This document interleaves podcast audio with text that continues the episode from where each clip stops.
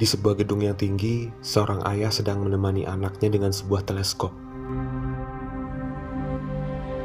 Malam itu cerah, himpunan bintang berlomba-lomba untuk menjadi yang paling terang.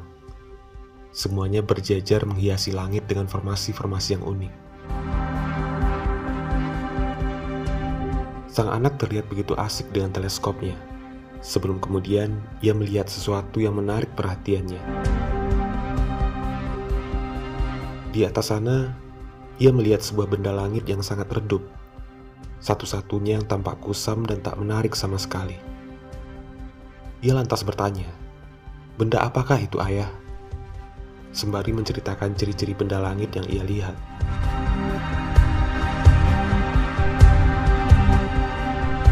Sang ayah diam sebentar. Ia mencoba mengingat ciri-ciri yang dimaksudkan oleh anaknya. Sebelum kemudian ia menjawab, "Itu adalah planet yang sudah hancur ratusan tahun yang lalu. Namanya Bumi."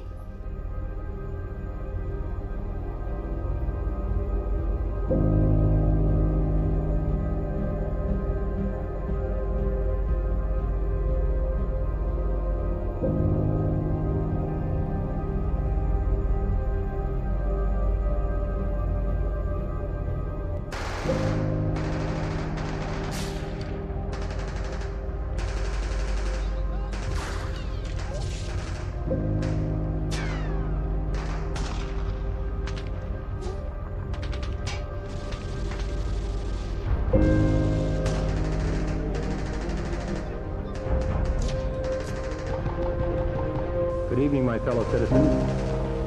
I speak to you tonight in a spirit of hope. 18 years ago, the event of nuclear weapons changed the course of the world, as well as the war.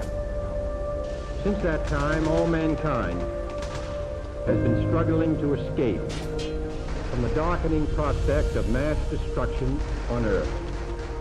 In an age when both sides have come to possess enough nuclear power to destroy the human race several times over. The world of communism and the world of free thought have caught up in a vicious circle of conflicting ideology and interests. Each increase of tension has produced